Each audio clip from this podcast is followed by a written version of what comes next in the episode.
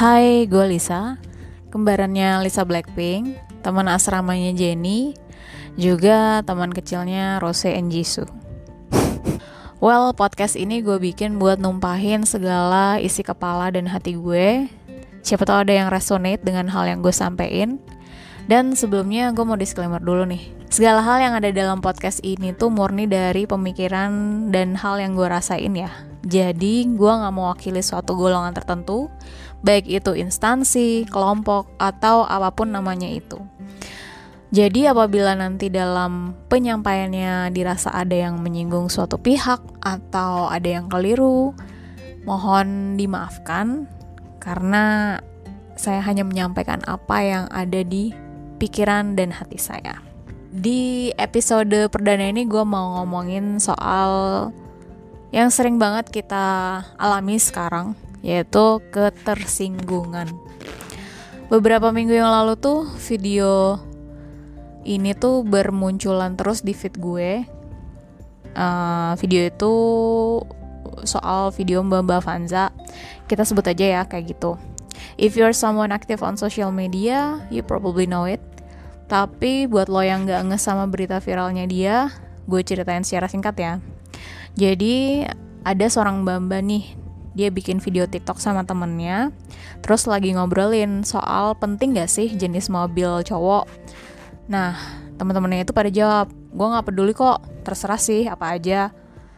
Terus dia nanya lagi, kalau misalnya yang datang tuh mobilnya titik titik titik, nah terus ada yang nyahutin tuh temennya, Avanza.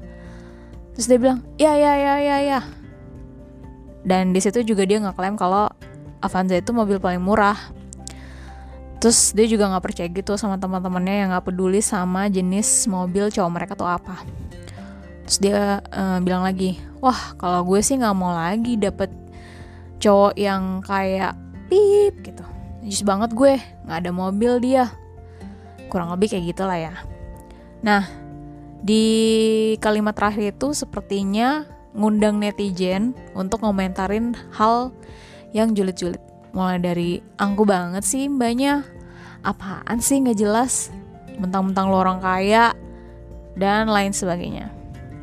Di sini kalau menurut gue sih sah-sah aja ya kalau si Mbak Avanza tadi bilang peduli sama jenis mobil cowoknya dia apa.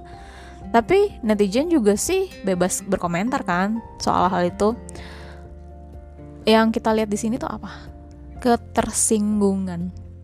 Sosial media tuh penuh dengan orang-orang yang saling menyinggung dan saling tersinggung satu sama lain. Toh mereka sebenarnya juga nggak kenal satu sama lain kan? Tapi ya itulah konsekuensi ketika seseorang udah naruh sesuatu soal dirinya ataupun soal orang lain, baik itu foto, video di internet, apalagi di sosial media ya berarti dia harus siap dengan segala komentar yang bakal dia dapetin. Kalau balik lagi nih ke masalah Mbak Mbak Vanza tadi, gue lihat sepertinya ada yang miss sih. Kenapa Mbak Mbaknya kayak peduli banget gitu sama jenis mobil dari si cowoknya?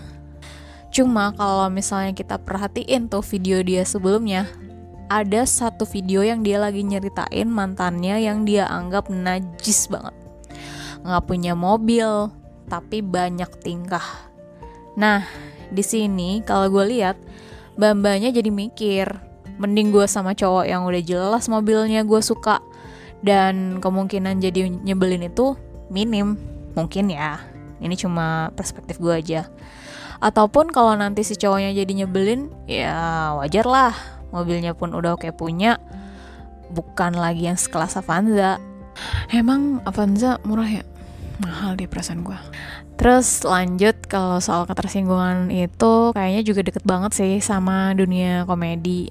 Kebetulan tuh gue lagi suka banget sama yang namanya stand up kalau kita lihat tuh komika tuh kayaknya banyak banget ya keseret soal masalah ketersinggungan.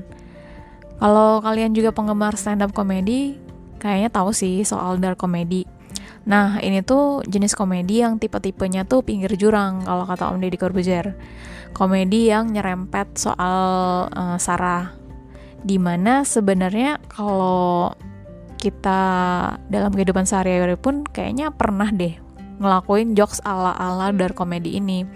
Bedanya ya aman aja dari amukan netizen.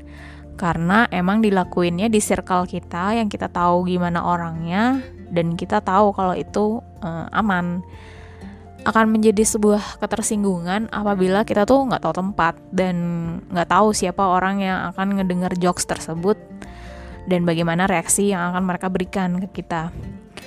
Terus kalau dipikir-pikir nih, sekarang tuh banyak sih orang yang cepet banget tersinggung.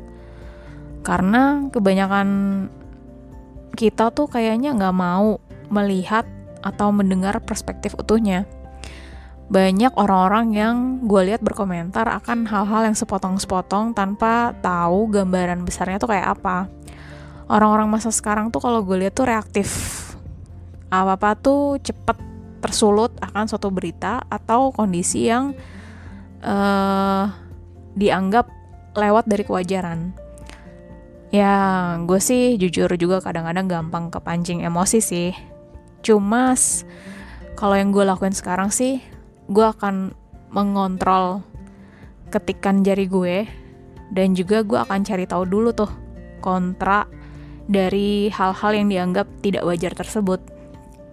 Kalau ternyata memang hal tersebut tidak wajar ya dan memang tidak benar dan tidak normal menurut sebagian orang, ya gue akan mengontrol ketikan jari gue dan ya paling gue akan gibahin sama teman atau suami gue aja. Nah kondisi lain itu dalam ketersinggungan sih gue juga suka lihat di dunia entertainment ya. Kayak banyak banget artis yang fansnya perang sama fans yang lain dari artis lain. Apalagi tuh K-popers. Gue kan juga K-popers nih. Jadi mungkin gue akan ngobrolin soal K-popers karena gue akan merasa lebih relate kalau ngobrolin dari sisi ini. Jadi kalau di dunia per K-popan itu ada yang namanya fan war. Apa sih fan war? Jadi kalau secara harfiah tuh fan war tuh uh, fan itu artinya kan fans, ya fans. War itu ya perang. Nah, secara keseluruhan ya artinya perang antar fans.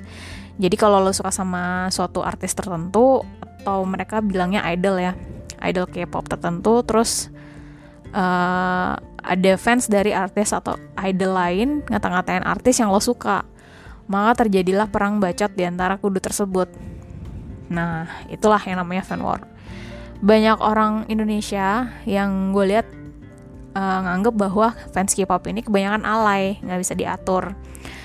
Padahal ya nggak gitu juga kondisinya uh, K-popers juga sama seperti fans uh, artis lainnya entah itu artis barat atau artis Indonesia ya kita tuh sama aja. Yang uh, negatif itu ya oknum bukan uh, kelompok secara keseluruhan si fans K-pop itu atau K-popers kita ngomongnya. Oke kayaknya soal ketersinggungan itu aja sih dari gue. Kalau misalnya uh, ada yang berkomentar lain soal ketersinggungan ini atau kalian punya suatu hal yang menarik untuk dibahas, bisa komen aja.